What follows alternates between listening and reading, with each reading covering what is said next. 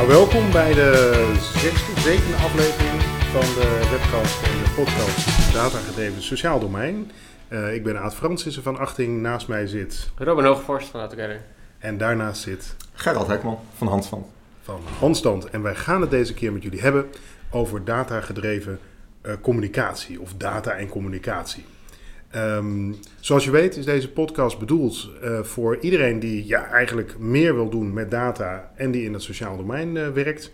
Uh, dus hoe kun je nou eigenlijk je eerste stapjes zetten? Dus daar gaan we Gerald dan ja, op fileren. Van hey, help ons nou eens even. Wij willen wat met onze communicatie en data. Ja, wat voor tips heb je eigenlijk? Waar moeten we op letten? Maar eerst beginnen we altijd even met de vraag van, en die is aan Gerald, van ja, wat is datagedreven communicatie nu voor jou? Nou, voor mij is het heel simpel. Het gaat om uh, leren en beter worden. En uh, dat doe je op basis van data en uh, experimenteren en analyseren en het elke keer een stapje beter doen. En dat is en dat ook en dan in relatie tot communicatie? Ja, absoluut. absoluut ja. Ja, eigenlijk met alles wat jij de wereld in gooit. Kijk, het ene is wat meer, meer meetbaar dan het andere natuurlijk. Maar ehm, ja, daar wil je eigenlijk ook wel een momentje op hebben van, ja, werkte dit? Heb ik de impact die ik, uh, ik wilde maken, heb ik die gemaakt? Uh, zo niet, dan doe ik het de volgende keer anders. En zo wel, nou, dan gaan we dat nog groter doen. Kun je daar een voorbeeld van geven, hoe jullie zoiets doen? Nou ja, op klein, in kleine schaal uh, kun je natuurlijk heel klein testen als het gaat om, nou, wat werkt op mijn social media kanaal. ik heb een formatje of ik heb een verhaal wat ik wil delen. en ik doe dat vier, vijf, zes keer. Wat gebeurt er dan? Slaat het aan bij mijn publiek of slaat het niet aan? Uh, dat is denk ik een heel klein voorbeeldje waarmee je kan waar tweaken. waar kijk je dan specifiek naar? Bereik, uh, reacties. Uh, Wat is bereik? Bereik op, op social media bedoel ja, je? Ja. Bereik is hoeveel mensen een bericht zien. Dat is heel duidelijk te analyseren vanuit de data vanuit Facebook of LinkedIn. De of views. Views. Mm -hmm dat zegt aan zich nog niet zo heel veel. Um, dat is gewoon hoe vaak komt iets voorbij in een tijdlijn. Nou ja, oké, okay, hoe meer, hoe beter natuurlijk. Mhm, maar mm -hmm. wat doet dat dan? Nou, dat zegt nog niet zoveel. Dus waar je ook op kan letten is uh, het aantal reacties. Hoe wordt een bericht gedeeld? Uh, wat, zijn, uh, wat is het sentiment wat eronder zit? Oh, mensen die reageren. Dus met dat soort data kun je eigenlijk achterhalen uh, ja, wat ik nu aan het delen ben, slaat dat aan bij mijn publiek. Ja, precies. Ja. Ja. ja, en dat is inderdaad met digitale media is dat wat makkelijker, want dan, zijn, dan is die data heel erg voorhanden natuurlijk. Ja. Uh, maar voordat we daar verder induiken, uh, zijn we ook wel benieuwd. Jij bent van handstand, zei je. Ja. Ja, nou zeg mij dat niet zoveel anders dan, dan ga je op je handen staan. Ja, doen we ook dat doen we ook. Ja, niet maar, in deze podcast, maar... maar, maar precies, ja. maar, dagelijks of wekelijks? Of, uh... ja, ja, tegenwoordig niet meer zoveel, maar uh, waar je naartoe wil is waar, die, waar dat vandaan komt, denk ik. Of niet? Nou, wat zei je, je bent van een bureau. Wat is, je ja. zit in het kader van communicatie en data, zit je hier, hebben we jou gevraagd. Maar ja. kun je ons iets meer vertellen over uh, ja, wie ben je en wat is handstand? Ja. Um, nou, wij zijn Handstand, een communicatiebureau uh, voor sociale professionals. Het is ook onze missie om de sociale professional te versterken. En uh, als communicatiebureau doen we dat uh, op verschillende manieren. Dus dan kun je het hebben over communicatiestrategie, content, ontwerp, design. nou ja, dat zijn allemaal dingen die we in huis hebben. En dan gaat het er vooral om in een bredere zin om de sociale professional een podium te geven en om hun te helpen om het podium te pakken. Uh, dat doen we ruim tien jaar. We hebben veel uh, sociale organisaties van binnen mogen bekijken en verder mogen helpen al. Uh, en de naam handstand zelf komt vanuit het feit dat ik en mijn compagnon allebei breakdancers zijn geweest. Tegenwoordig doen we wat minder handstanden. ja, toch ook een dagje ouder hè. Dus iets minder flexibel wat dat betreft. En um, nou ja, dus, dus, dus nou, daar komt het eigenlijk vandaan. Ja, en de, jullie hebben zo'n tagline volgens mij van uh, dat je de, de, de wereld van, vanuit een ander perspectief ja. uh, wilt bekijken, toch? Ja, absoluut. Ja, tweeledig is dat. Kijk, aan de ene kant uh, komt dat vanuit destijds vanuit onze achtergrond als danser. Dus wij wilden dezelfde energie die wij hadden, die wij vonden op de dansvloer, wilden wij in organisaties krijgen, organisaties in beweging krijgen, mensen meekrijgen en, en hun helpen om het podium te pakken. Dat is de gedachte die erachter zit.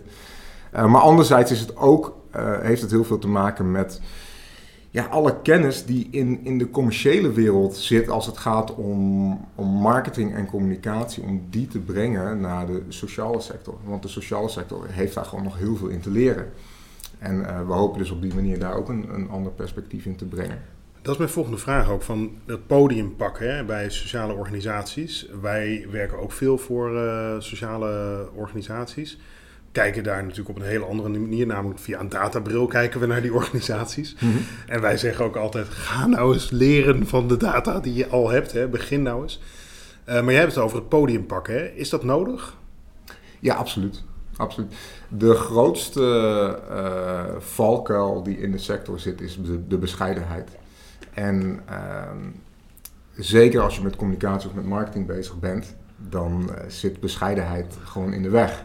Bescheidenheid ziet de mens. En als sociale professional uh, zit dat een beetje in ons DNA, denk ik. Uh, in de zin van, uh, nou ja, weet je, de, de, de zorgprofessional die heeft toch zoiets van, nou weet je, ik doe het om een patiënt te helpen. Of ik doe het om een cliënt te helpen. Of als vrijwilliger wil je juist iemand anders helpen. Dus het gaat niet om mij, ik hoef niet in de spotlight te staan. Ik doe het voor een ander.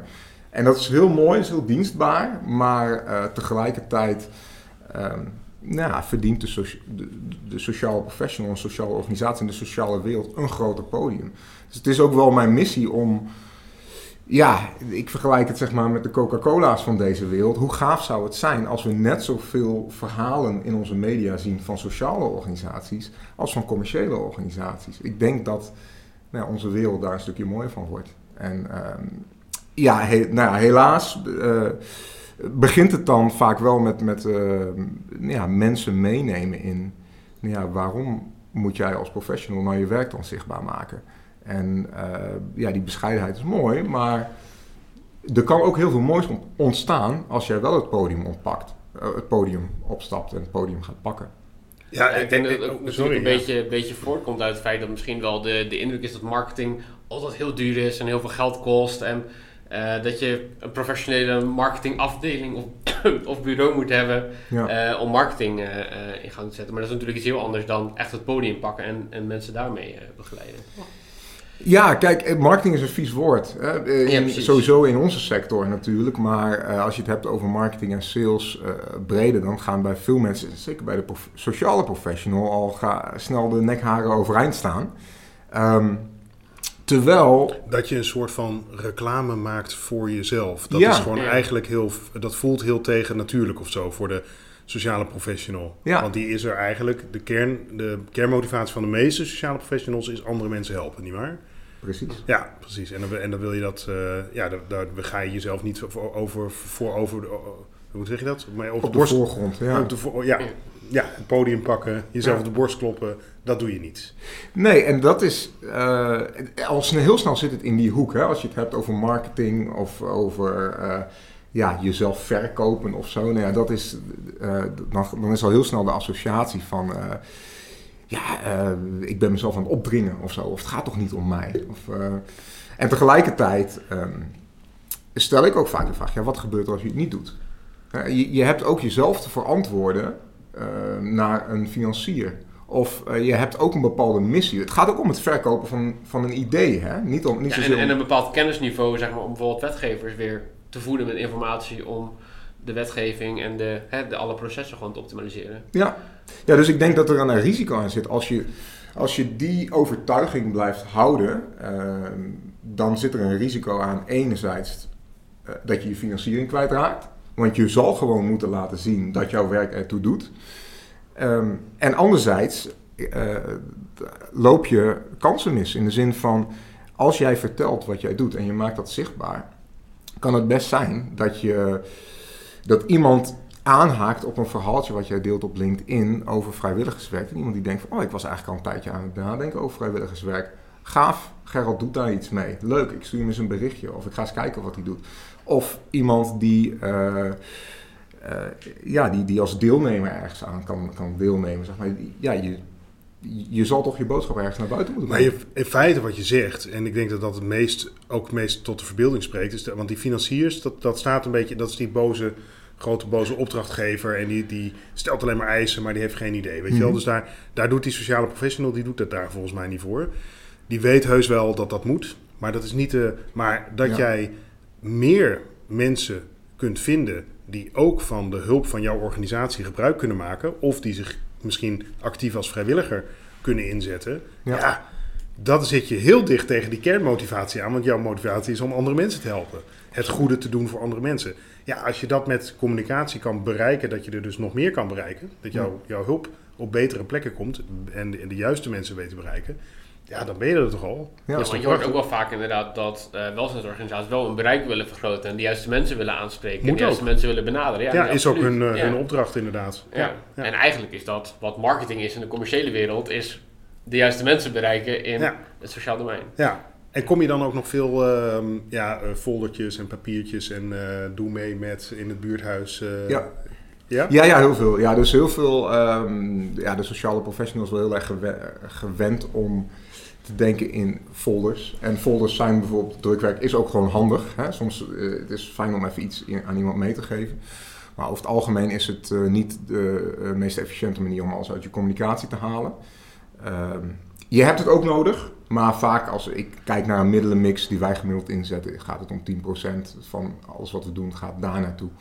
Uh, het, het, is veel waardevoller om uh, digitaal uh, je boodschap te vertellen. Daar is je bereik veel groter. Je krijgt meer bang voor je buck, zeg maar. Dus de mm. investering is lager voor het publiek wat je kan bereiken. Ja, ja, ja precies. En ook veel gerichter bereiken, denk ik. Ja, kan. Um, ja, dat, je hebt een mix. Hè? Dus soms heb je bepaalde campagnes die je heel specifiek op een heel getargete groep wil uh, inrichten. En tegelijkertijd heb je ook een bredere doelstelling van oké, we moeten meer zichtbaar zijn.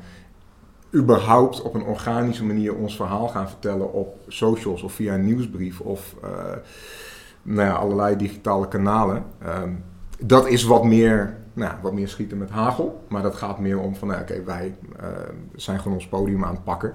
En dat doen we op verschillende kanalen die we tot onze beschikking hebben. En dan bouw je eigenlijk een publiek op, neem ik aan. Als je dat nog niet doet op dit moment en je wil daarmee beginnen, mhm. dan, ja, dan begin je met nul volgers zeg maar, op Instagram. Maar dan, hè, als je dat een tijdje doet, dan heb je er, uh, nou wat heb je dan, 500 na een jaar of zo. Mhm. Hoe werkt dat? Uh, als jij wil, dan kan ik uh, morgen duizend volgers voor je kopen. Kopen, kopen is, kan ook. Ja, Wat ja. kost dat trouwens? Wat kost dat? Dan heb je het over honderden euro's. ja, dus okay. dat, is, dat, is, vrij goedkoop. Maar dat zijn niet de volgers waar je wat aan hebt. Nee, want dan welke dus volgers zijn dat? Ja, dan zitten ze in Oezbekistan. denk je, ja, ja, ja precies. Dat is, voor, dat is window dressing. Dus daar heb je niks aan. Nee. Nee, um, ja, nee, kijk. Wat het belangrijkste daarin is, is dat je begint met het proces inrichten van ja, ik noem dat organische content.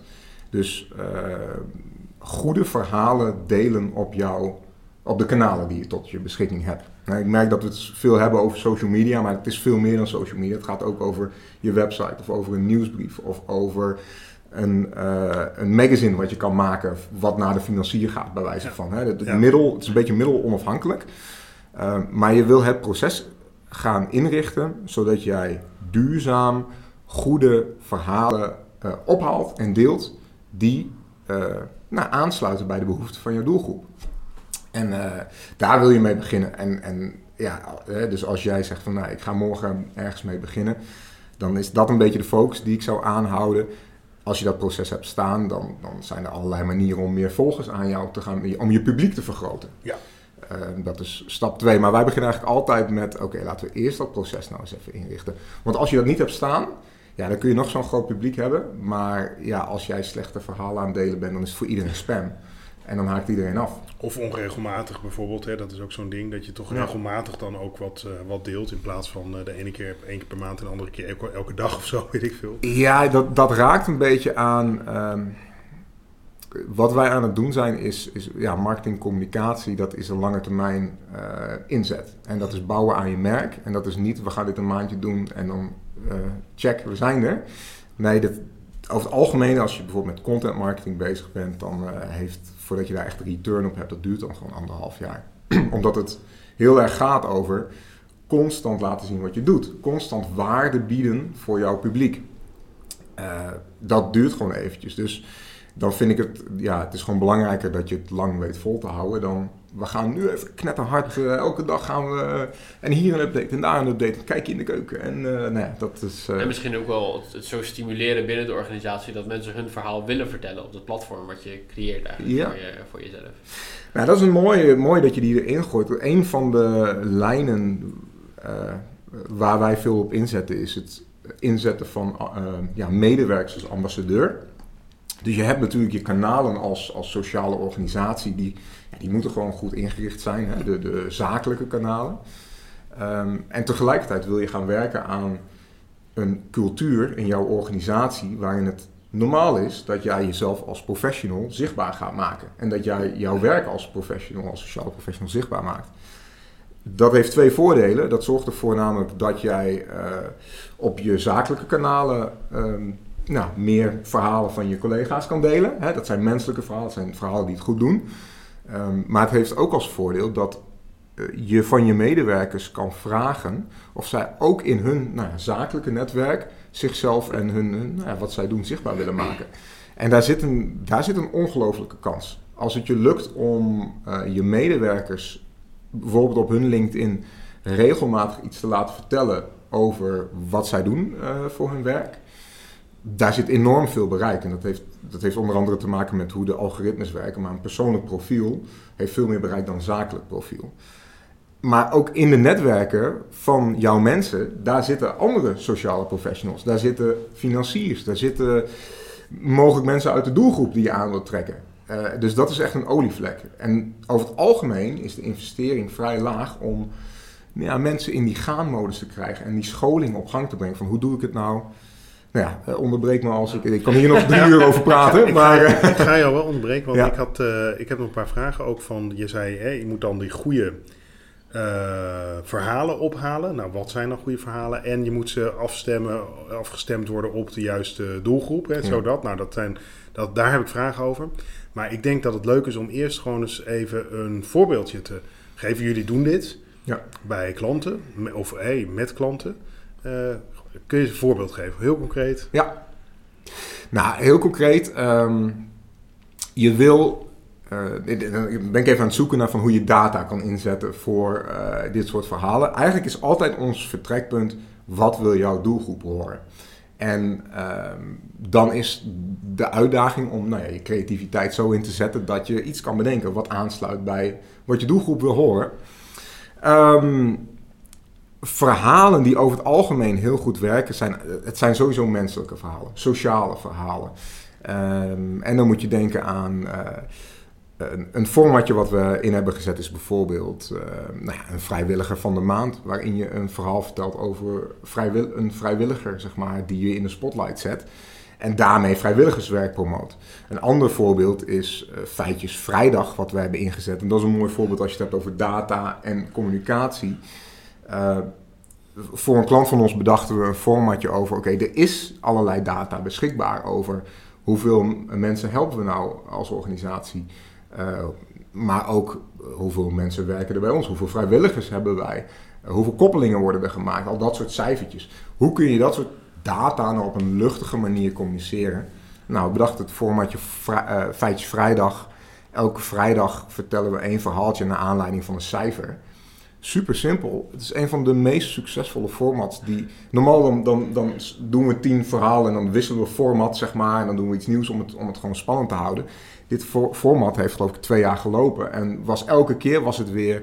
Nou, reageerde het publiek daar gewoon heel enthousiast op. Dus je kan... Um, dus eigenlijk zijn mensen wel gewoon enthousiast over data. ja. dat is dan ja, de voorzichtige conclusie. Die ja, ja, maar er zat ook die, die koppeling met die, uh, dat persoonlijke zat daar ook wel een beetje in volgens mij, toch? Ja, nou we proberen data natuurlijk altijd menselijk te maken. En um, aan een uh, persoonlijk verhaal te hangen. Omdat menselijke verhalen gewoon werken. We zijn sociale wezens. Uh, maar hoe, hoe doe je dat? Um, ja, voor, ik wil zeggen, het is niet zo moeilijk, maar misschien is dat voor, voor mij niet zo moeilijk. Uh, ja, het zit, het zit in simpele dingen. In de zin van, kan ik dit koppelen, het verhaal wat ik wil vertellen, kan ik dat koppelen aan een mens? Iemand uit mijn organisatie. Want dan wordt het menselijk. Om een voorbeeldje te geven. We werken voor woningcorporaties en een van de thema's die natuurlijk nu belangrijk is voor woningcorporaties is duurzaamheid. Maar duurzaamheid is een super abstract thema, waar, wat, wat ik als, als huurder, wat gewoon ver bij me vandaan staat. Ja, dat kun je dus menselijk maken door het, thema duurzaamheid vanuit een persoon te vertellen. En wat we gingen doen was, uh, nou, dan was er een, een hele duurzaam wooncomplex gebouwd door een van, de, een van onze klanten. En dan vertelden we daarover door het, uh, vanuit het perspectief van een van de huurders. Dat was een jonge meid die vertelde, nou, ik heb bewust gekozen voor deze woning, want ik vind dit belangrijk. En wat er vervolgens ontstond was dat, nou, dat, dat werd op een duur ging ze vertellen over haar. Uh, nou, dat, dat kan heel kneuterig worden, maar is juist super, ja, dat is super leuk en dat werkt heel goed in je communicatie. En er ontstond zelfs dat zij ging reageren op vragen die in de comments stonden. En nou, dan wordt, ontstaat een ontzettend authentiek verhaal van uh, iemand die gewoon heel concreet bezig is met duurzaamheid. En zo kun je dus een abstracte thematiek gewoon heel menselijk maken.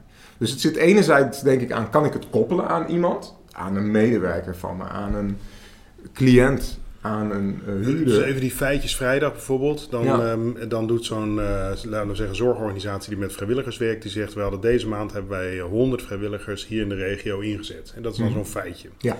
En dan zou je daar bij wijze van spreken het verhaal van Ada bij kunnen ja. vermelden. Want dat is dan één van de vrijwilligers. En die vertelt dan wat zij die maand heeft gedaan of zo. Ja, zo zou je dat kunnen Ja, vaak is het en-en. Dus mm -hmm. specifiek voor dit form format hadden we wel echt gezegd... oké, dit, dit formatje gaat over data. Dus mm. meestal hielden we het best wel clean. Nou, we hebben zoveel koppelingen gemaakt. We hebben zoveel vrijwilligers. En uh, nou ja, uh, daarmee weten we bepaalde impact te realiseren. Dat was eigenlijk gewoon heel simpel. Mm -hmm. Daarnaast ligt dan een format als... Uh, nou ja, vrijwilliger van de maand. Waarbij je, wat super menselijk is. En een foto van iemand met een bosje bloemen. Oh, ik ben deze. Ik ben de vrijwilliger van de maand. En, en die vertelt dan over. Ja, wat ik zo gaaf vind is dat ik uh, bij Ada over de vloer kom. En eigenlijk kletsen we alleen maar gewoon over hoe gaat het met je. En nou, af en toe gaan we wat leuks doen. En dat is voor haar al zo betekenisvol. Nou, en dan heb je een supermenselijk verhaal. Dat ligt er vaak naast. Het is Ja. een beetje een mix van. Ja, de ene keer de ene, de andere keer de andere. En nou, precies die mix die je noemde. Ja. Mag ik daar En- nog iets over zeggen? Eh, Jazeker. Ja, dus waar het om gaat is, ehm, wij zeggen altijd het moet een mix zijn van feiten en verhalen. Wel, eh, eigenlijk, ik adviseer 80% verhalen, 20% feiten. En afhankelijk van je doelgroep kan je een beetje draaien aan die knop. Hè. Als het gaat om verantwoording richting financiën, dan is wat meer feiten en cijfers prettig. Maar eh, ja, er is gewoon heel veel onderzoek dat verhalen overtuigender zijn. Dat verhalen beter werken, dat verhalen meer impact hebben, meer zichtbaarheid opleveren. Dus dat is waar wij eigenlijk altijd naar zoeken. Maar zou je dan niet 100% op feiten gebaseerde verhalen willen hebben? Nou ja, kijk, alle verhalen zijn op feiten gebaseerd natuurlijk. Ik ga niet iets lopen verzinnen of zo. Oh, dat Eh, heel goed. Maar dat doen jullie niet, volgens mij. Nee, jullie nee, zoeken nee. heel erg naar de authentieke Ja, eh, verhalen. Want dat is ook wel iets... Kijk, voor Coca-Cola wordt er gewoon iemand eh, verzonnen... die dan heel duurzaam... ha, en dat je hoort het pianootje al riem- ringelen. En, En, de burgers van McDonald's in de Ja, zijn die ook zijn ook- nep. En, ja, ja, precies. Dus dat, daar worden mensen een beetje bij elkaar verzonnen... om het mooie plaatje te schetsen... waar mensen Ja. zich in kunnen herkennen. Maar dat is nou bij uitstek niet... Tenminste, niet wat jij nu vertelt... wat jullie doen bij die eh, sociale Nee. organisaties. Nee, kijk, het goud wat je als sociale organisatie in handen hebt, is, ehm, is, is, is jouw verhalen. Kijk, wat ik vertelde, ik kom uit de commerciële wereld en een van de laatste opdrachten die ik deed, ik moest eh, simkaarten eh, verkopen en simkaarten onder de aandacht brengen voor een telecomprovider.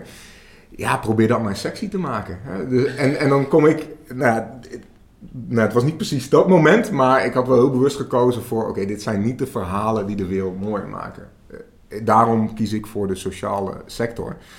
Want eh, natuurlijk, weet je, de budgetten zijn kleiner, de, de expertise is minder en we hebben heel veel uitdagingen met z'n allen. Maar de verhalen die voor het oprapen liggen, zijn allemaal prachtige, gouden, menselijke verhalen. Allemaal verhalen die een podium verdienen. En eh, daarom, ja, dat, is eigenlijk wat je heel erg kan inzetten als sociale organisatie. En daarom zijn we ook altijd op zoek naar, nou ja, weet je, vertel dan een verhaal wat, wat, authentiek is, wat echt is. Soms kan het niet altijd. Hè. Soms heb je bijvoorbeeld cliëntverhalen die gewoon heftig zijn of die geanonimiseerd moeten worden. Dat kan ook, er zijn ook allerlei oplossingen voor, maar laat het wel echte verhalen zijn. Ja, ja je kunt natuurlijk eh, an- anonimiseren inderdaad.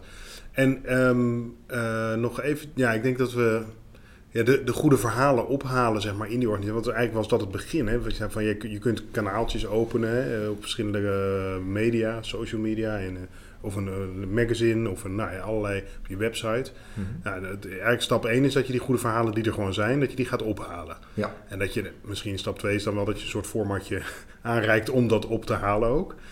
Um, en dan vervolgens zei je van ja, maar dat moet je wel gaan communiceren op afgestemd op de doelgroep. Hè? Mm -hmm. Dus uh, hoe, hoe, wat zijn die doelgroepen dan? Hoe, hoe, zorg je dat dat, dat dat afgestemd is? Nou ja, kijk, je, je kan natuurlijk van tevoren je doelgroepen definiëren. En je kan van tevoren ook je doelstellingen definiëren. Dus welke... Uh, wat wil een sociale organisatie? Wat zijn de doelgroepen? Uh, nou, je hebt over het algemeen uh, gaat het over het brede publiek als uh, de inwoner van mijn gemeente, bij wijze van. Nou, of, ja, dat, is dat niet veel te breed? Nou ja, dat is vrij breed, maar dan heb je het ook over, doels, dan heb je het over branding doelstellingen. Dus wij oh, willen bepaalde, weet ik veel, bekend staan als, of we willen nou, zichtbaar zijn. Daar gaat het dan vooral over. Um, ja, je hebt natuurlijk, weet je, het verschilt echt per organisatie, maar als het gaat om vrijwilligers, dan heb je best wel een bepaalde duidelijke doelgroep voor ogen. Dat zijn mensen die wat meer tijd hebben. Dat zijn mensen die het belangrijk vinden om vrijwilligerswerk te doen. Dus dan heb je het met name over een wat oudere doelgroep waar de kans groter is dat je uh, kans van slagen hebt, zeg maar. Als je het hebt over een financier, een, een doelstelling die te maken heeft met financiers overtuigen, ja, dan heb je eigenlijk een heel andere aanpak nodig, waarbij je zegt van, nou ja, we hebben x aantal wethouders en ambtenaren die we moeten overtuigen. Ja, dat, dat is gewoon een hele kleine groep. Dat zijn bij zo'n 20 man die voor ons het allerbelangrijkst zijn. Nou, namen en rugnummers, dan gaan we daar een communicatielijn op uh, ontwikkelen. Die heel specifiek is, gericht op die mensen. En die moeten we overtuigen. En aan het eind van het jaar moeten zij onze beste vrienden zijn. Hoe gaan we dat organiseren? Nou, dat is, dat is dan kom je bijna een beetje in een sales aanpak van oké, okay, we hebben gewoon die mensen en die moeten we overtuigen. Die ambtenaren die nu aan het luisteren zijn, die denken, oh, daar oh, komt die spam vandaan van al die welzijnsorganisaties. Ja, de, ja, als je aan het spammen bent, dan doe je het dus verkeerd, want je moet okay. dus waarde bieden voor ja. je doelgroep. En ja. hoe bied je dan die waarde? Ook als het gaat om financiers. Ja, wat is die waarde dan ja, voor financiën? want dat, ik denk dat ik die heel die interessant waarde, vind. Ja. Ja. nou ja, oké, de dynamiek als sociale oh, organisatie... is hier een, een, vrachtwagen aan het achteruitrijden. Dat, ik, ja, de afval. Een hele fijne piep inderdaad. De, ook de sociale organisatie, dan, uh, de dienen... Oh, is hem? Ja, hij is... Uh, oh, is ja. Oké, okay. sorry. Ja, de sociale organisatie. Ja. ja, dankjewel. Als sociale organisatie is de dynamiek met je financiën natuurlijk uh, complex en interessant. In de zin van, ja, je bent...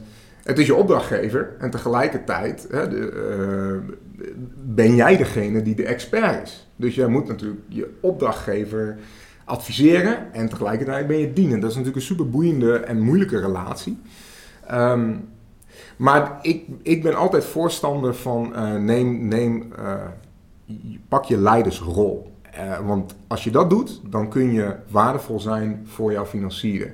En dat kan zich heel letterlijk vertalen in het feit dat jij met je communicatie één keer per jaar een kennissessie organiseert over hey, de stand van zaken in het sociaal domein in mijn gemeente. Ik ben hier de expert en ik nodig, dan maak daar een, een sessie over. Uh, ja, een soort van datamiddag of zoiets. Zo, zo, zo, zouden wij dat dan noemen, denk ik. Ja. Met je, maar met je Ja, ik zou hem een, een meer sexy naam geven, maar goed, dat is, ik ben de communicatie. Data, datamiddag, super sexy. ja, ja dat, dat bijvoorbeeld. Wij, ja. Agree to disagree, waarschijnlijk. ik ga dan wel aan. Data dinsdag, ja. Ja, precies. ah, heb je gelijk een formatje. Ja, ja, precies. Ja, weetjes woensdag. precies, weetjes woensdag, feitjes vrijdag. Nou jongens, als we zo nog een half uurtje zitten. Nu wil elke bestuurder die luistert, en dat zijn er heel veel, uh, die, die, wil, die wil wel leider zijn. Hè? Die wil wel ja. die leiderschapsrol pakken. En het, misschien denken ze ook wel dat ze dat ook echt doen. Um, ja, maar moet die bestuurder dat doen of moet de sociaal werker dat doen? Nou, de organisatie, maar het begint ook ja. wel ergens vaak bij. Kijk, als bestuurder heb jij wel veel contact met die opdrachtgever. Dat ben je wel de persoon die de contacten heeft. Uh, dus in ieder geval, als de bestuurder het niet doet, wie dan wel? Ja, maar als je kennisdeelmiddag organiseert of dag. Nee, maar dat is een voorbeeld van. Ja. ja. Hè, maar, dus mijn vraag was inderdaad, hoe ben je dan, hoe zorg je dat je die leiderschapsrol neemt? Heb ja. je daar voor, nog meer voorbeelden van? Ja, nou, het zit, uh, het zit erin dat je een communicatielijn inricht die dit faciliteert. Want dit is één ideetje wat ik nu noem, hè, een kennisdag. Daarnaast wil je elke vier, elk kwartaal een nieuwsbrief versturen met ehm, gouden verhalen uit je gemeente. en, die, die, en die nieuwsbrief gaat dan naar de twintig mensen die het beleid bepalen, bij wijze van. Dat is dan ook onderdeel van die lijn. En één keer in het jaar heb je een soort van experience. Waarbij je met z'n allen op de fiets stapt en een rondleiding door de stad doet. En nou, dan wordt het in één keer super menselijk. En dan breng je die ambtenaren in contact met. Nou, wat zijn nou de interventies die we hebben gedaan? Um, nou ja, en zo bouw je eigenlijk aan een lijn waarbij je dus nou, op lange termijn um, meerdere contactmomenten hebt. En waarbij jij laat zien van, nou, wij hebben visie op, op ons sociaal domein. En we hebben interventies die daarin werken. En dat laat ik op allerlei manieren zien, maar overal en bij elk moment dat ik, nou, als ik dat organiseer, dan pak ik mijn leiderschapsrol en laat ik zien hoe wij vinden dat het zou moeten zijn. Maar nu um, uh, ken ik uh, wat, wat, wat uh, organisaties in, in het sociaal domein. Mm -hmm. En die, die zullen zeggen, ja, maar dat doen wij. Wij sturen ja. die mails. Ja. En we organiseren die dagen met, met de ambtenaren en de, en de wethouders. Mm -hmm. Waar, als je het hebt over leiderschapsrol, heb ik daar wel een beeld bij. Mm -hmm. Dat betekent namelijk dat je keuzes maakt in wat je wel en niet over de bühne brengt. Ja. En daar, en daar zit dus volgens mij ook de pijn. Dus mijn vraag is, waar zit de pijn? Als jij een leiderschapsrol neemt, mm. moet je ook dingen laten. Ja, ja, het, ja, het komt een, voor mij als communicatieman komt het dan een beetje op positionering terecht. Hè? Wat doe je wel, wat doe je niet? Um, ja, ik zou, ik zou altijd uitgaan van eigen kracht. Dus wat vind jij als, als sociale organisatie, als sociale als bestuurder wat je moet doen, waarin je excelleert en wat vind je dat je. Ja, we doen veel. En we kunnen uiteindelijk blijkt dat we in de organisatie gaan vragen van wat doen we eigenlijk allemaal en kunnen we daarover communiceren. En dan krijg je 30 verschillende voorbeelden van ja. mooie voorbeelden, die allemaal even mooi zijn. We kunnen geen keuze maken. Mm Want als jij naar die mails gaat kijken die ze in het verleden hebben gestuurd, dan staan alle 30 voorbeelden er elke keer in. Ja. Uh, dus wat is dan. Uh, uh, en dan maar dan zullen die, die, die, die, mensen van die organisatie nog steeds zeggen: Maar we hebben al die contactmomenten al, we hebben mm -hmm. al die nieuwsbrieven al. Ja. Dus wat is dan je advies? Nou ja, kiezen. dus in je mail kies er drie en ga die goed vertellen. wat, wat is nou de rode draad in wat je, de, wat je nu doet en wat je nog vijf jaar wil doen? laat alles daaromheen draaien. Hè? Dus dus echt redeneren vanuit je missie en visie eigenlijk. Ja, ja. ja. en die moet je centraal zetten. En, en al die voorbeelden, die, geven dat, uh, die maken dat tastbaar. En dat, dat is fijn om te hebben, maar alles moet om, om één ding draaien. En dat wil je goed vertellen en duurzaam vertellen. Ik weet niet of dat een beetje antwoord geeft op je vraag. Ja, ik zie vaak een enorme brei aan, uh, aan producten en diensten. Ja. Uh, ik heb wel eens een productenboek van, van zes kantjes gezien met, met 30 regels in lettertype tot 10. Mm -hmm. uh, dus dat waren echt uh, meer dan 100 producten en diensten die in één gemeente door een welzijnsorganisaties werden ingezet. Mm -hmm. In een welzijnsorganisatie. Waarbij ik vroeg, hoeveel mensen werken hier eigenlijk? En er werkte 60 FTE. Ja. Hoe dan? Dus iedereen doet meerdere dingen tegelijk. En dan hadden natuurlijk ook een boel vrijwilligers. Maar, dan is het ook heel lastig om een bepaald verhaal te vertellen over een product. En te zeggen, dit is wat... Maar daarom, daarom ga ik een beetje... Het is, ik vind het heel aantrekkelijk om een leider uh, te mm -hmm. zijn. Uh, maar wat is dan leiderschap nemen? In dit geval, volgens mij, is het heel erg het, het kiezen van een, een, een visie en een missie hebben. En daar volledig op, op uh, selecteren wat je dan daarover naar buiten brengt. Ja. En ook bepaalde zaken dus niet naar buiten brengen. En die mensen die dat werk doen, die dat ook, wat ook heel goed werk is, ja, daar wel even over informeren van... hé, hey, luister eens, we gaan dit jaar met vooral onze mantelzorgactiviteiten de boer op. Want daar gaat het dit jaar over. Want dat hebben we gekozen of dat vinden we belangrijk. Hè? Uh, en dat betekent dat je uh, de, de buurtkamers en de weet ik veel... En, uh, ja, dat dus even niet dan. Ja. Dat moet, je, dat, moet, dat moet je wel kunnen en durven. Want leiderschap neem ik aantrekkelijk. Maar dat betekent dus van die, van die keuzes maken waarbij er ook mensen uh, even niet zo blij zullen zijn met de keuze die jij dan als leider hebt gemaakt. Ja, over het algemeen, maar dit is heel moeilijk hoor in het sociaal domein, hoe uh, scherper uh, jij jouw publiek kan kiezen of jouw dienstenaanbod kan maken, hoe beter dat is voor je communicatie natuurlijk. En als sociale organisatie is dat super moeilijk, want je hebt gewoon een hele brede opgave over het algemeen. Maar soms, ik heb er nog wel een mooi voorbeeld voor, soms is, heeft het ook te maken in het zoeken naar de rode lijn in je verhaal. We werkten voor een welzijnorganisatie en die hadden precies dat voorbeeld wat jij net vertelde. We hebben 60 verschillende projecten en dat is allemaal, het is allemaal gaaf en allemaal goed. En dat doen we met... Ja. en dat is het ook. Hè? Als je allemaal weer afzonderlijk naar die project gaat kijken, bijna allemaal is het, is het ook fantastisch goed werk wat er gebeurt, wat er gedaan wordt. Ja, en de oplossing toen was van, ja, wat is dan de rode draad hierin? En uh, dat had vooral te maken met kunnen we dit bundelen tot een simpeler verhaal? En zo zijn we gekomen tot vier uh, productgroepen, laat ik het zo even zeggen. Uh, waaronder dan tien diensten kunnen hangen. Maar dan is je verhaal wel heel simpel naar je, uh, nou, naar je financier en ook op je website. Van, nou, we hebben gewoon deze vier. Ja, uh, ja en eigenlijk zijn die vier productengroepen dan de dingen waar je mee de boer op gaat. Zeg maar, ja. waar je, wat je in je communicatie tot uiting brengt. Precies, en dan hoef je het niet te hebben over uh, financier, uh, training over uh, budget voor jongeren en training over budget voor ouderen. En nee, dit gaat gewoon over je huishoudboekje op orde krijgen. Ja. Bij van. Nee, dat is dan het dingetje wat erboven ligt. Ja. En dan, dan, dat is dan een oefening van hoe kan ik mijn verhaal simpeler maken en daarmee beter. Ja, ja, ja, ik denk dat dat voor heel veel partijen echt nog ook, ook heel relevant is om zo naar je eigen organisatie en je dienstverlening te kijken. En daar dan ook je registratie op in te gaan richten, zodat je ook de data ook op die manier, hè, je, wat je doet, ook op die manier gaat vastleggen. Nou ja, en de grap toen was, was dat dat was een soort van aha-moment van, oh ja, dit is een heel fijne, simpele manier om, om ons verhaal mee te vertellen. Maar zelfs de organisatie werd toen ingericht op, nou, we hebben deze groepen, werkgroepen. En daar zit, uh, nou, en dat, dat was heel leuk, want vanuit communicatie had dat dus heel veel effect op hoe, uh, niet alleen hoe zij zich presenteerden, maar ook hoe ze de organisatie inrichten. Je kunt, eh, je, mensen, ja, want als jij 60 verschillende projecten draait, is iedereen met zijn, op zijn eigen eilandje bezig. En op die manier, als je het wat gaat bundelen, kunnen ze ook weer meer, zijn ze meer geneigd om van elkaar gewoon te gaan leren. En, en nog meer de goede dingen te doen. Ja, ja wel mooi. Mooi voorbeeld ook. Ik ben ook nog benieuwd naar die, uh, daar hadden we het net ook al even over die opdrachtgevers slash financiers, zeg maar, bereiken.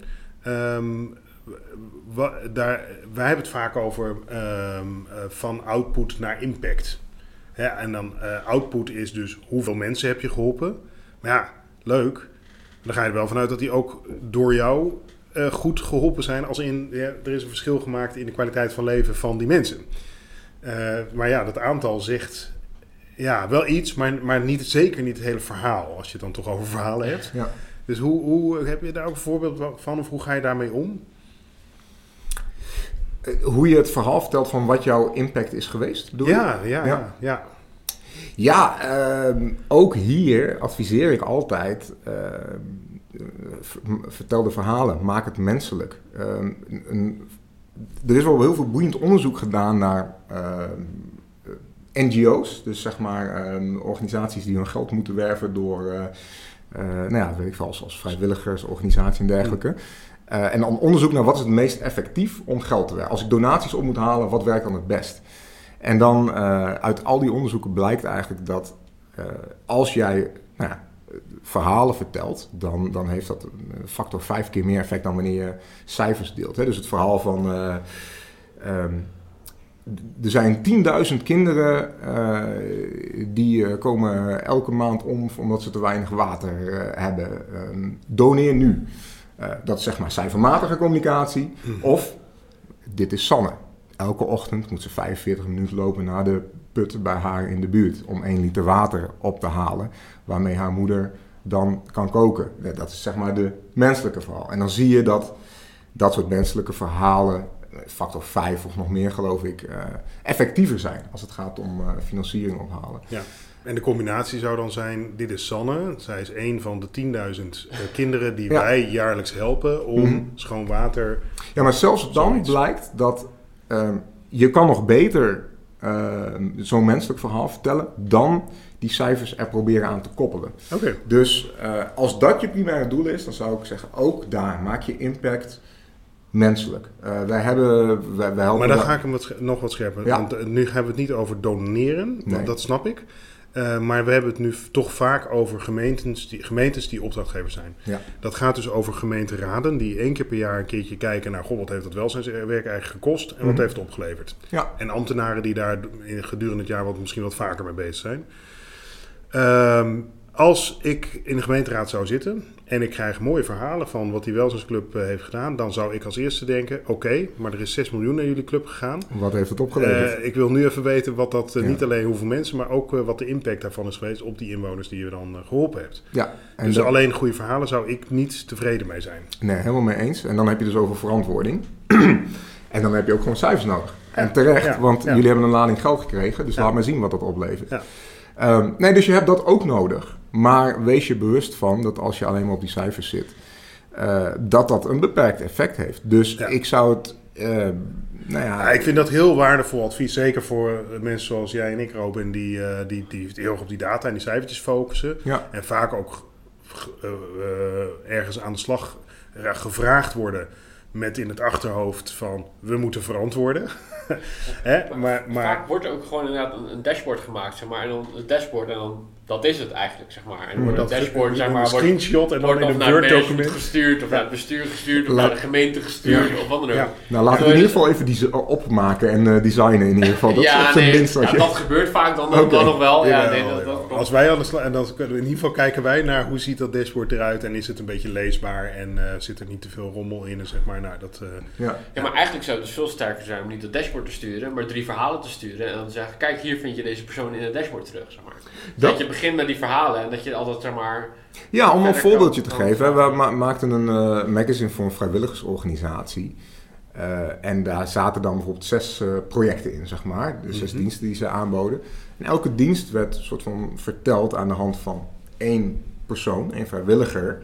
Grote foto, mooi verhaal, mooie menselijke quote als kop. En dan rechts onderin had je steeds het kader. Oké, zoveel eh, vrijwilligers werken voor deze dienst. Zoveel koppelingen worden er gemaakt. Zoveel ehm, euro's aan zorg is er hiermee bespaard. Hè? Ja, Dus, de- en, ja. Maar dat is ook in verhouding van die pagina een stukje kleiner. Het staat er wel bij, het moet er ook bij. Maar nou ja, hoe, hoe richt je dat in? Dat is, dat is best wel een interessant spel. Ja, ik denk dat En- dit, dit voor de, de bestuurders die met die verantwoording, of de managers die met die verantwoording aan het stoeien zijn, dat dit echt heel waardevol advies is. Ja, Want die cijfers, de vraag is of ze die cijfers wel hebben. Dat, daar maken wij ons dan vaak zorgen om. Hè? De outputcijfertjes hebben ze wel. Maar de impactcijfers die zijn nog wat lastiger. En wat heeft die, dat is eigenlijk, zou je kunnen vergelijken met je ehm, reviews. ja, Wat hebben jouw cliënten over jou gezegd? Over jouw dienstverlening eigenlijk aan jou teruggegeven? ja. In cijfers en ook weer in verhalen. Nou, dat, dat, ook dat staat nog best in de kinderschoenen.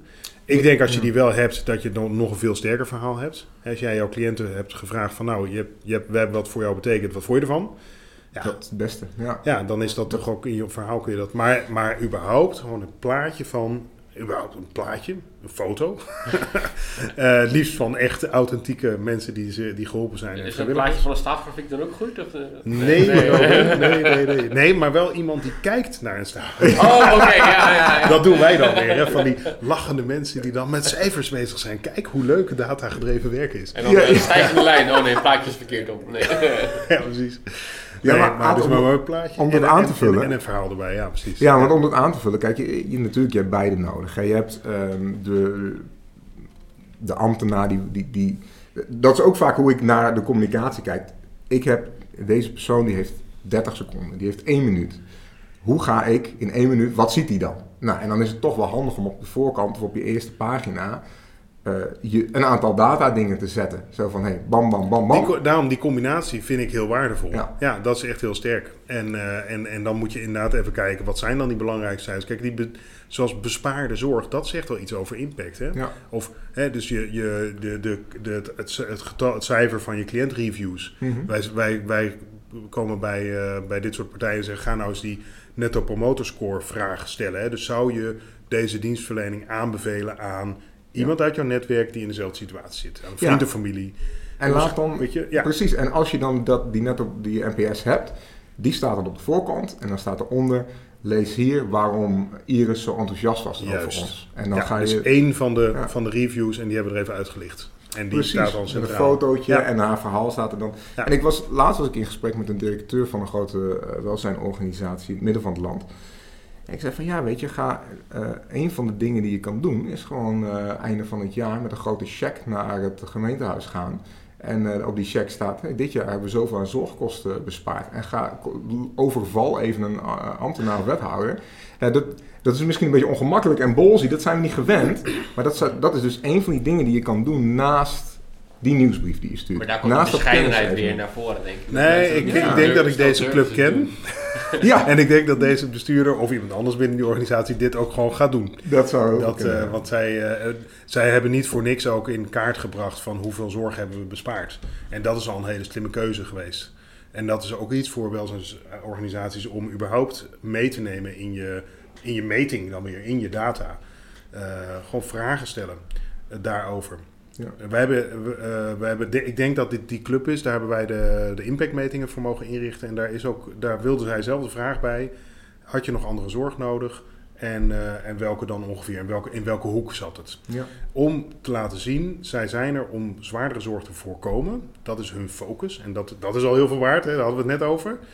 Om dus ook te laten zien in cijfertjes in welke mate dat ook wordt ervaren door cliënten. Ja. Goud waard. Goud waard. Maar, maar even, even advocaat van de duivel spelen. Is het niet gewoon ontzettend veel werk om te doen? Eh, ja, dat is het ook. Maar je, uh, het levert ook ontzettend veel op. Ja. En want dat zie, dat, dat, zie ik wel heel veel misgaan in het sociale veld, is dat uh, communicatie is wel een ondergeschoven kindje. Uh, vaak krijgt iemand het op zijn bordje erbij. Of ja, heeft iemand is in die rol gegroeid die daar niet een opleiding in heeft. Of zit, uh, ja, heeft er de tijd niet voor. Heeft, uh, dus is niet geborgd. Ja, de tijd en de expertise is vaak niet in de organisatie. Eigenlijk heel vergelijkbaar met wat we met data ook zien. Ja. Hetzelfde verhaal. Ze zijn aan het beginnen met data. Als je geluk hebt, is er iemand die een formele datarol heeft binnen die organisatie. Is er vaak niet voor opgeleid, is gewoon ingegroeid. En nou, daar begint het dan.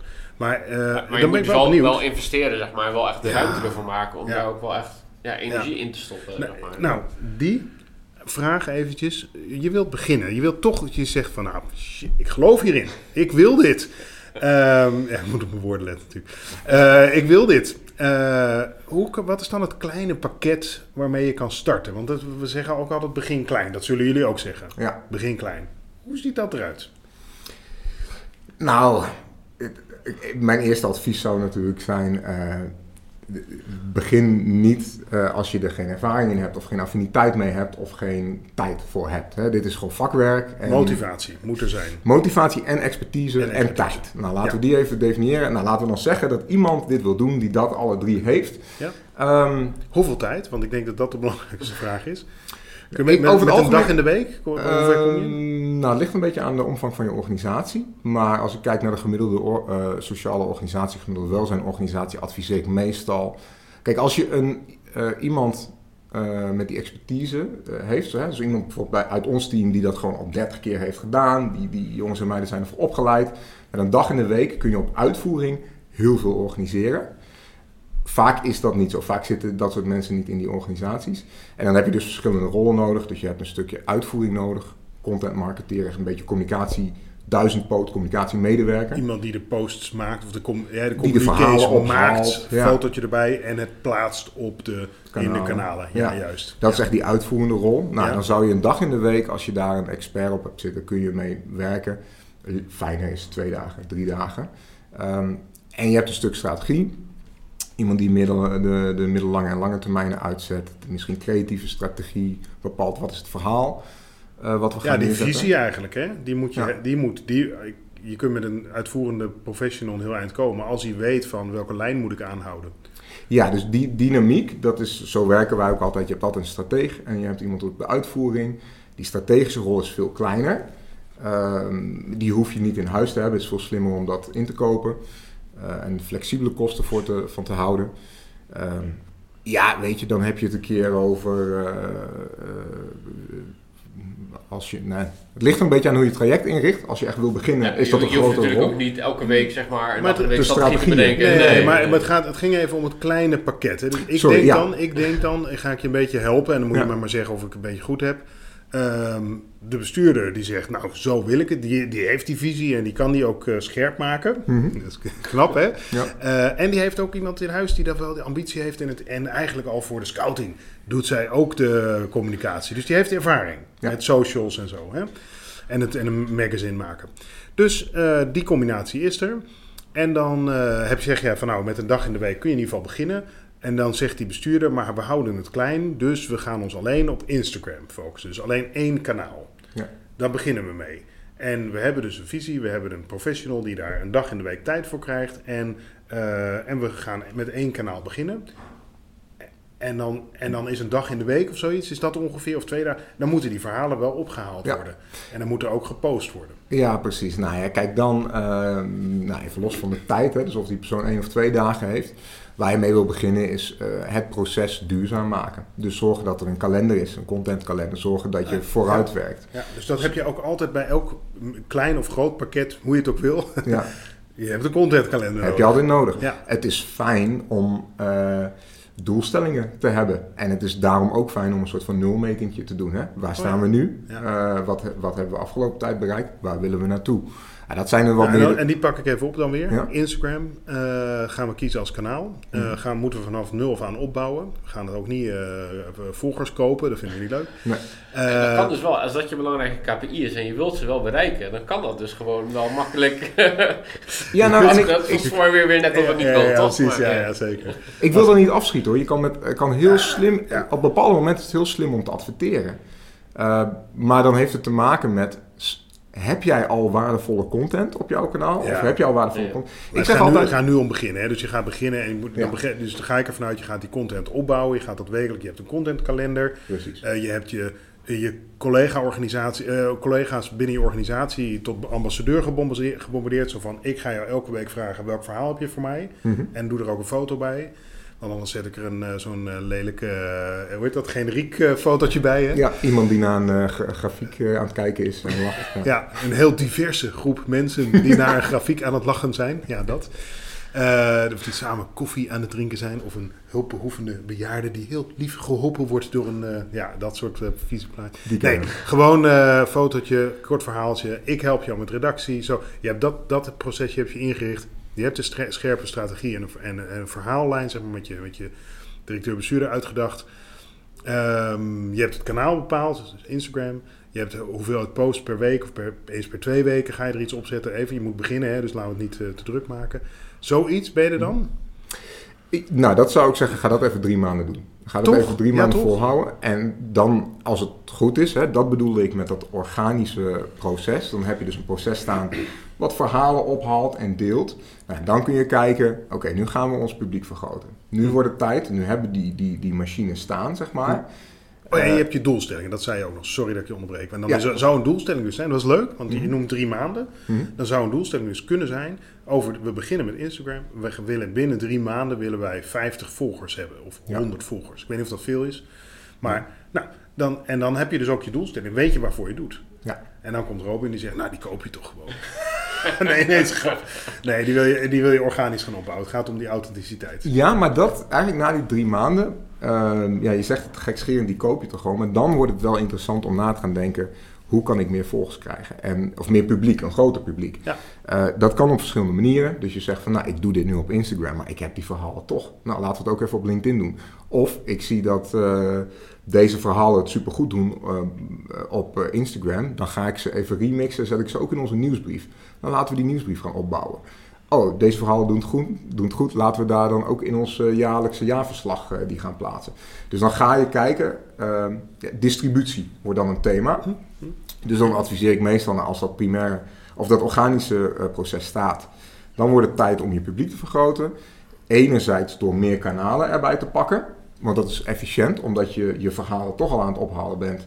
En dan is het een kleine uh, investering om het te remixen. Is dat niet het meeste werk om eigenlijk die verhalen op te halen en in zo'n vorm te gieten dat je die ook kunt publiceren en er echt iets mee kunt? Nou, absoluut. De, die journalistieke rol van uh, ophalen, schrijven en delen, is, dat, dat is heel uh, bewerkelijk. Maar een onderdeel daarvan is ook ehm, adverteren in de zin van... Kijk, je kan heel specifiek adverteren. Je kan adverteren op in mijn gemeente mensen tussen deze en deze leeftijdscategorie, in deze uh, omgeving of met deze achtergrond. Ik vermoed dat dat mensen zijn die baat hebben bij onze verhalen. Nou, dan ben je niet aan het spammen. Dan ben je zelfs, dat is adverteren met een missie, zeg maar. Van wij hebben waardevolle content. Wij hebben waardevolle verhalen waarmee we andere mensen ook verder kunnen helpen. En die wij denken die waardevol is. Als je daarmee gaat adverteren, dan kun je dus ook je publiek vergroten. Dus ik vind het wel belangrijk om te benoemen dat adverteren of volgers kopen niet per se een slecht ding is als je het maar inzet vanuit je missie en vanuit waardevol waarde bieden voor jouw publiek. En elke zorg- en welzijnsaanbieder heeft de opdracht om zijn bereik te vergroten. Je hebt iets waardevols wat jij brengt in de samenleving en daar heb je inwoners voor nodig. Ja, en eh, je hebt ook, precies, en je hebt ook, ehm, er komt data in mijn vakgebied komt erbij kijken. Je, je wil jouw publiek constant vergroten. Je wil dat je steeds, nou, dat je meer mensen bereikt. En uiteindelijk is dat ook een beetje de, de, de managementporno die wij in onze uh, verslaglegging, uh, in onze maandelijkse rapportages laten zien. Van je wil dat dat een stijgende lijn is. Van, aan de ene kant moet natuurlijk jouw publiek organisch groeien. Heb je het liefst dat mensen naar jou toe komen.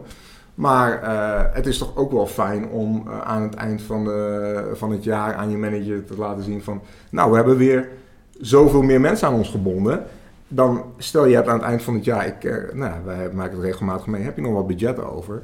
Doe nog even een advertentiecampagne voor jouw pagina, want je hebt toch goede content. En daarmee kun je weer laten zien, kijk, we hebben weer meer mensen bereikt.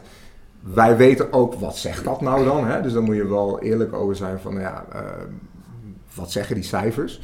Maar lukt het ook wel eens om dat te combineren? Want deze en je bereik, hè, dus wat we net zeiden, die views en die mhm. likes en die reacties. Ja. En dat zegt iets over hoe goed doen je, doen je posts het eigenlijk. Hè? Maar um, combineren jullie dat ook wel eens met de rest van de funnel? Want wij hebben zo'n funnel van het klantproces in data, wat begint bij bereik. Mensen wonen ergens, hebben problemen in hun leven en komen bij die zorg- en op de lijn uh, in beeld via een kanaal, bijvoorbeeld Instagram. Uh, maar kan ook aan de balie of telefoon zijn bijvoorbeeld. En dan begint het eigenlijk. En dan gaan ze meedoen aan een activiteit of dan komen ze in een traject. En uh, in dat traject gebeurt van alles. Daar meet je ook een stukje impact. En dan uiteindelijk is er ook weer uitstroom. Um, lukt het ook wel eens om die cijfers van die. De, wat, jullie zitten heel erg aan die voorkant dan, hè, om, om dat bereik te vergroten. Mm -hmm. om, om, om dat terug te zien in de, in de rest van de hulp in de dienstverlening eigenlijk? Nou, heel moeilijk. Heel vaak is, die, uh, is dat niet in kaart gebracht. Heel vaak missen die uh, klantreizen of uh, nou, die, die, die, die, die funnels om ze goed op elkaar aan te laten sluiten.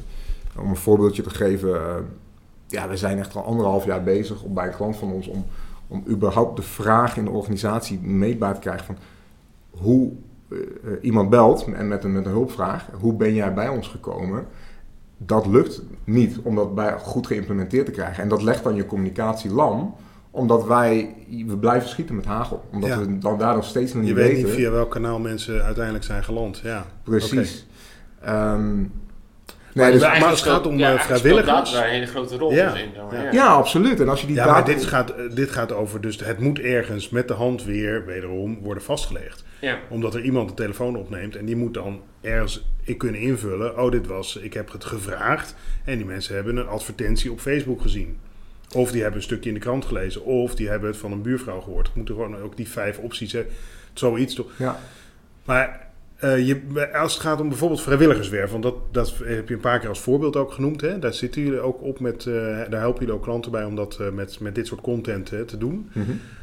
Daar moet je toch wel iets zinnigs over kunnen zeggen. Van hé, hey, we hebben toch wel gezien, vergeleken met vorig jaar of het jaar daarvoor, dat we dit nog niet deden. En nu, de afgelopen twee jaar, dat ons vrijwilligersbestand ja. gelijk is gebleven of is gegroeid. Of dat bij alle andere partijen is gedaald. Bij ons is het juist gelijk gebleven of het is bij ons juist gegroeid. Of zoiets? Ja, zeker. Eh, kijk, um, waar ik net mee begon was, het is, het is een ja, lange termijn ding. Hè? Dus als je gaat, bezig gaat met je zichtbaarheid en alles begint met zichtbaarheid, uh, heb je daar de tijd voor nodig. Dus wat wij sowieso merken als jij die verhalen gaat delen op je kanaal en je bent aan het bouwen aan je kanalen, uh, heeft dat even tijd nodig om reuring te gaan creëren. Er op een duur ontstaat zijn wat meer softere dingen. Van dat dat, dat uh, je terug hoort uit je omgeving van... oh, ik vind het zo gaaf, ik zie zoveel van jullie voorbij komen. Of ik vind het zo leuk om wat jullie aan het doen zijn, nou, dat zijn totaal niet meetbare dingen waar je iets mee kan.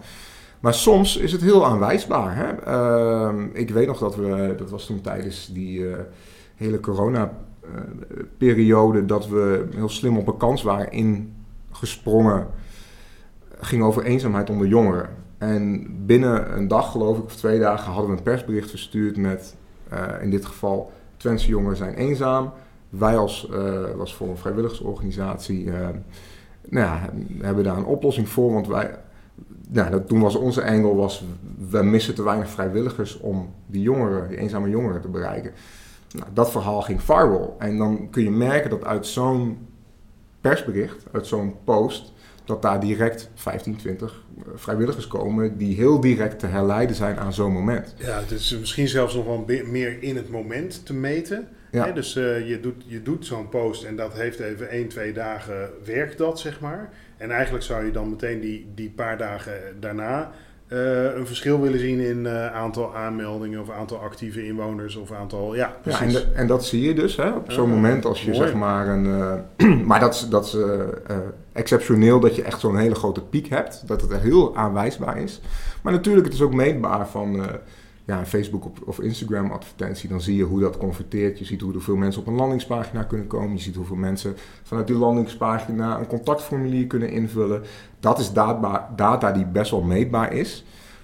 Vaak is niet goed meetbaar wat er dan gebeurt in de organisatie. Hè? Dus eh, ik ben dan, wij zijn afhankelijk van nou ja, hopelijk wordt dat goed opgevolgd. Of hopelijk is de dame achter de balie ook gewoon net zo enthousiast zoals wij op. Dit is waar wij in ieder geval elkaar de hand kunnen schudden. En waar wij uh, vaak met ons advies op beginnen. Van wat ga je nou wel en niet vastleggen. Want je, er zijn, elke zorgwelzorganisatie heeft een registratiesysteem. Um, en um, daar moet, moet met de hand dingen worden vastgelegd. En vaak is dat een aantal jaren geleden ingericht in die tegenwoordigheid van geest. En dat is heel interessant om daar nog eens kritisch naar te kijken. Van ja, wat leg je nou eigenlijk echt vast? Wat wil je eigenlijk leren? Want je legt dingen vast om data gedreven te kunnen werken. Om te leren van die data. Niet voor het vastleggen. Soms een beetje voor dossiervorming. Dat je dus iets kan overdragen aan je collega. Dan moet je ook weten wat is er nou met deze persoon aan de hand. Maar eigenlijk alle andere dingen leg je gewoon vast om van die data te kunnen leren. Nou, en daar dagen wij organisaties vaak op uit van ja, wat is dat nou eigenlijk? Waar wil je nou wat op leren? En dan komen wij dus inderdaad met dat klantproces in data. En, die, en precies waar digitaal ophoudt en handmatig eh, begint. Eh, ja, dat is waar jullie ook uh, eigenlijk behoefte hebben om inzicht te hebben. Ja, waar wij heel vaak tegenaan lopen is dat wij kunnen heel veel meetbaar maken vanuit de platformen die wij gebruiken. Hè, externe platformen of websites waar je analytics uit kan halen of nou, al die data die heb je. Maar ehm, ja, uiteindelijk uh, wil je dat koppelen aan de data uit de organisatie. En dat is vaak heel lastig in de sociale organisatie. Dus dat herken ik heel erg, ja. Ja. hey, um, wij hebben het uh, gehad over... Wat is handstand eigenlijk? Wat doen jullie? Uh, we hebben het gehad over uh, datagedreven communicatie.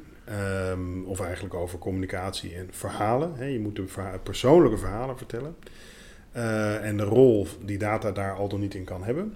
En we hebben het nu uh, heel erg ingezoomd op ja, hoe kun je ook een beetje uh, aantoonbaar maken dat het effect heeft. Hè?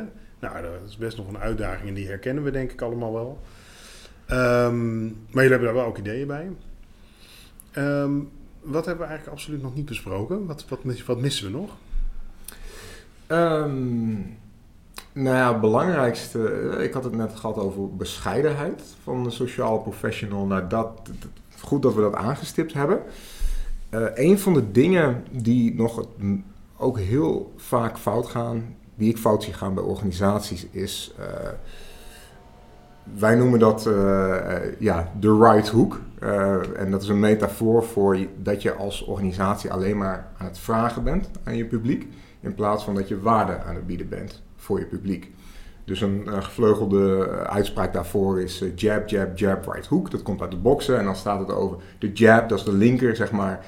Dat gaat om geven, geven, geven. Right hook, dan vraag ik iets aan mijn publiek. Hm. En wat wij altijd zien, dat gaat eigenlijk altijd mis bij organisaties, is dat een organisatie heel vaak aan het vragen is aan zijn publiek.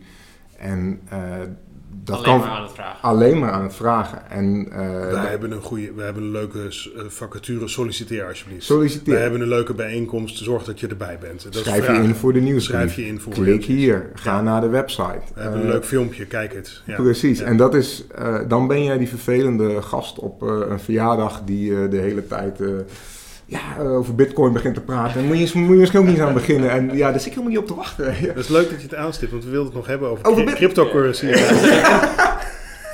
nou, dat ben ik niet je man. Maar uh, als je daar slecht advies over wil, dan uh, kunnen we nog even doorpraten.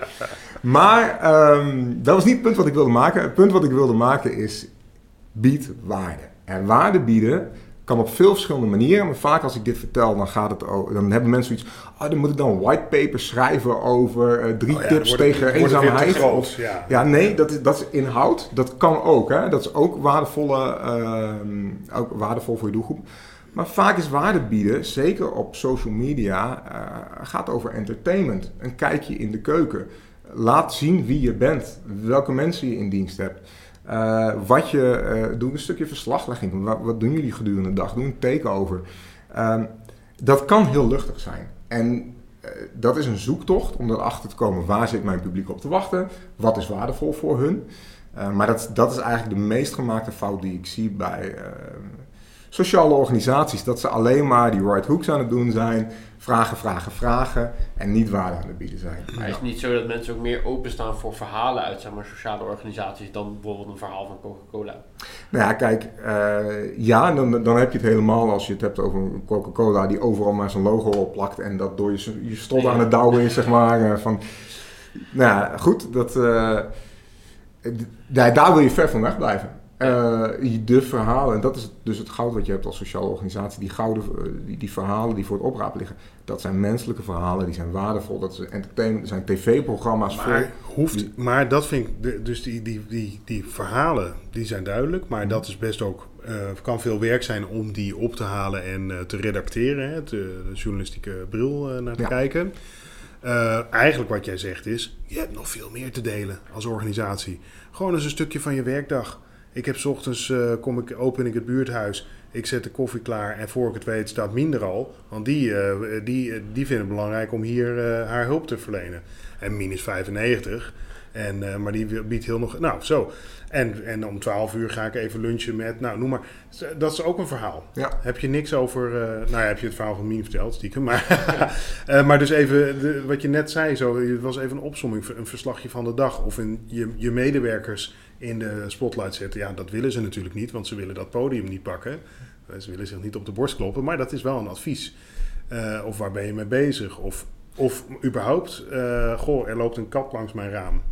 Nou ja, dat, zou, dat is misschien. Kattenfilmpjes zijn toch entertainment? Kattenfilmpjes zijn wel entertainment. Ja, ja oké, okay, dat is waar. Dat is misschien voor de Instagram uh, stories een, een leuke. Onderdeel van de right hook dan soms. Ja, ja. Drie keer, drie keer inhoud en dan nou, één keer een kat. Wij, wij, wij hebben het letterlijk gedaan. Hè? Uh, mijn hond Lea is natuurlijk wel in, ook in jullie post van handstand. Doet het altijd goed? Ja, terechtgekomen. Ja. Want jullie, jullie zoeken iemand. Ja, en dat ja. is dan uh, wat minder inhoudelijk, maar is, doet het wel altijd goed. Kijk, mijn devies of mijn kader, wat ik daar altijd bij aanhoud, is show, don't tell. Dus laat het zien in plaats van vertellen. Je kan vertellen, uh, ja, wij zijn zoveel uh, mensen aan het helpen. Maar ja, je kan ook gewoon laten zien, hey, ik ben nu met Mien uh, koffie aan het drinken in de buurtkamer. Super simpel, maar dan, dan, dan is het geïmpliceerd en ja, maak je het wat laagdrempeliger. Ja, nice, nice. Mooi. Ja, ik wilde een beetje naar een, naar een afronding toe. Want ik vind dat we, in mijn beleving, hebben we een ontzettend leuk gesprek gehad over uh, communicatie en verhalen. En een beetje over data. Dus ik vind het ook wel leuk dat dat toch echt ja. wel uh, uh, mooi er doorheen ja, vooral voor, zit. voor ons ook wel de les dat we eigenlijk minder misschien op die data moeten focussen, maar meer op de verhalen die voortkomen uit de data. als, als, als uh, als lijn wel, ja. ja. Maar als wij ons niet focussen op die data, ja. dan de organisaties waar ik zit, dan gaat dat niet in één keer ik goed. Ik bedoel niet wij als in wij als persoon, okay. maar wij als in de dingen die we doen met... Nee, wij moeten, uh, de, de, data staat ja. ten dienste aan het leren, enerzijds, waar we wel heel sterk op zitten, maar anderzijds inderdaad aan die verhalen. En dat is wel een hele waardevolle... Uh, toevoeging als je, voor als ons je werk. iets wil vertellen met data of je wil iemand iets laten leren aan de hand van data, is een verhaal vertellen een heel goed middel om dat ja. te realiseren. Ja, precies. Ja, en aanvullend daaraan, Data maakt communicatie beter. Dus communicatie heeft data nodig om ook van te leren en van te groeien. En het mooie van uh, de, de, de, maatschappij waar we nu in leven is dat de podium, podia laagdrempelig zijn, waardoor je makkelijk kan experimenteren en met je data snel kan leren wat werkt. Dus het is een wisselwerking. Ja, dat heb ik ook gehoord. Want dan ga ik even inderdaad, wat zijn nou de learnings van, deze, uh, van dit gesprek? Wat neem je mee? Hè? Uh, je kunt klein beginnen. Maar als je begint, begin dan wel voor de langere termijn. Dus zorg dat je, er, dat je wel voor langere tijd er iets in investeert. En dan die investering kan al zijn één dag in de week, een scherpe visie, één of twee kanalen, je verhalen ophouden, ophalen, je kalender, je, je, hoe heet het ook weer, contentkalender uh, maken uh, en doelstellingen zetten. Ja. Hoeveel kliks of hoeveel volgers wil je hebben over drie maanden? Gewoon houd, houd, houd klein. En dan ben je al begonnen, toch? Ja. En daarna ga je je publiek uitbreiden. Maar eerst maar eens gewoon, ga eerst maar eens gewoon beginnen. Dat was eigenlijk de boodschap ook, toch? Ja. ja. ja. Oké, mooi. Ik vind het een heel mooi verhaal. Uh, Gerald, super dank voor, uh, voor deze bijdrage aan de podcast Datagedreven Sociaal Domein. Robin ook. um, en wat we in het begin eigenlijk de vorige keer hadden gezegd, we zitten in een andere setting. Dat doen we nu een beetje aan het einde. Uh, de goede uh, luisteraar was het opgevallen dat de geluiden op de achtergrond heel anders zijn. Nou, dat denk ik niet. Ik denk dat dat stiekem wel meevalt. uh, nee, precies. maar we, wij zitten, als je, als je dit ooit een keer terugkijkt, in een hele andere setting. Namelijk op het kantoor van Data Together in de studio. Eindelijk. Yes. De tafel is er. De ambitie was er al sinds het begin van de podcast. Maar Zeker. nu eindelijk, nou, hè, ja, dat is de zevende aflevering. Nou, we hebben eerder ook wel in jullie studio gezeten, maar dat was nog op ja. jullie oude kantoorlocatie. Klopt, klopt. En nu zitten we in de nieuwe locatie en dat is echt letterlijk boven het kantoor van, uh, van Achting. Ja. En van Handstand ook, want jullie zitten beneden. Ja. Um, het is een prettige ruimte, mooie tafel, mooie setup. En uh, ja, ik ben er wel heel blij mee eigenlijk. Op meer ruimte ook, hè? Kunnen ja. ook ademen en zo. nou gaan fijn. we ook, hebben we ook bedacht, we gaan ook de boer op. We gaan ja. ook naar onze uh, klanten en... Uh, Podcast ja. staat voor de sociaal domein on tour. On tour gaan we ook doen, dus dan gaan we deze studio weer verlaten. en dan moeten we de boel weer inpakken, meenemen en toestanden. Maar voor nu zitten we in een hele prettige setting. Hey, um, dank jullie wel nogmaals en heel graag tot de volgende keer.